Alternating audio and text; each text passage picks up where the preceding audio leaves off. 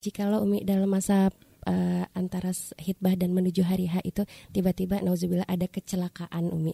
Kecelakaannya kecelakaan tabrakan misalkan dan diharuskan untuk ada pemulihan. Nah, itu disarankan tetap menunggu atau uh, apa namanya membatalkan hitbahnya Umi karena butuh proses yang agak lama untuk uh, recovery badan itu. Ya kembali lagi ini kesadaran kesiapan dari pasangan. Kalau memang ternyata ya dia tetap merasa yakin uh -huh. ya mm-hmm. dengan tadi kecelakaan pun tidak tidak ada masalah ibaratnya mm-hmm. -huh. ya kalau mungkin acara mungkin uh, apa mungkin nanti untuk resepsinya mungkin bisa mundur uh-huh. ya kalau akad nikah lagi masih mungkin untuk dilakukan ya kan tetap jadi akad. kembali lagi kepada ini kan bukan kaitan aib deh sekali uh-huh. lagi bukan berkaitan dengan aib itu dikembalikan kepada orangnya uh-huh.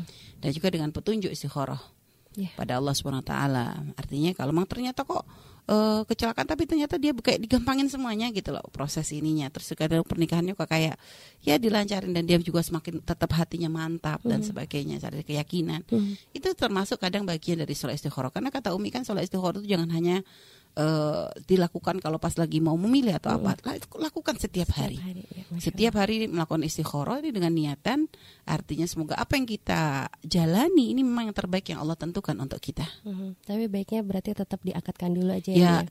Umi tidak mengatakan baiknya seperti apa hmm. dikembalikan lagi keadaannya kepada yang menjalani hmm. Artinya kalau ternyata karena itu memang menjadi sebab ya pending dulu kayak atau mungkin karena misalnya ya ada tiba-tiba ya mohon maaf tiba-tiba cacat mm -hmm. atau apa mm -hmm. ya kalau dia nggak siap terus langsung dia memaksakan saya menerima apa adanya tapi nanti dalam pernikahan ternyata dia tidak siap mm -hmm. hanya jadi dolim mm -hmm. maka ya kan berarti lebih lebih lebih jahat lagi gitu loh. Hmm. Tapi kayaknya kalau dia ninggalin dalam kondisi dia cacat kok kayak dolim banget. Lagi sekarang lebih dolim mana? Ninggalin sebelum nikah atau ninggalin setelah, setelah dia nikah, nikah kan hmm. gitu. Hmm. Artinya gini loh, semuanya kita tuh prasangka baik kepada Allah. Apa yang terjadi dalam hidup kita, ini semuanya Allah yang ngatur. Bagi yang misalnya uh, tidak cacat yang masih misalnya yang cacat ya misalnya ada orang mau menikah tiba-tiba kecelakaan hmm. gitu bagi yang mendapat musibah ini ini prasangka baik husnudzon kepada Allah hmm. ternyata kok giliran dia cacat ditinggal oleh calon tunangannya tadi hmm. oleh tunangannya calon istrinya tadi atau calon suaminya misalnya maka prasangka baik berarti mungkin pas ini bukan yang terbaik untuk kita gitu yeah, loh berarti dia belum siap artinya masih bersyukur dia mundur sebelum nikah bagaimana kalau dia sudah menikah baru mundur kan hmm. lebih menyakitkan lagi yeah. Itulah. Jadi untuk yang tertimpa musibah prasangka baik. Kalau memang ternyata dia adalah pasangan terbaik untuk dunia akhirat kita, akan Allah mudahkan walaupun dengan kecelakaan tersebut. Yeah. Nah, adapun bagi yang tidak mendapatkan musibah, maka tetap minta petunjuk kepada Allah. Minta petunjuk kepada Allah, minta petunjuk kepada orang tua. Apakah yang harus dipilih gitu loh.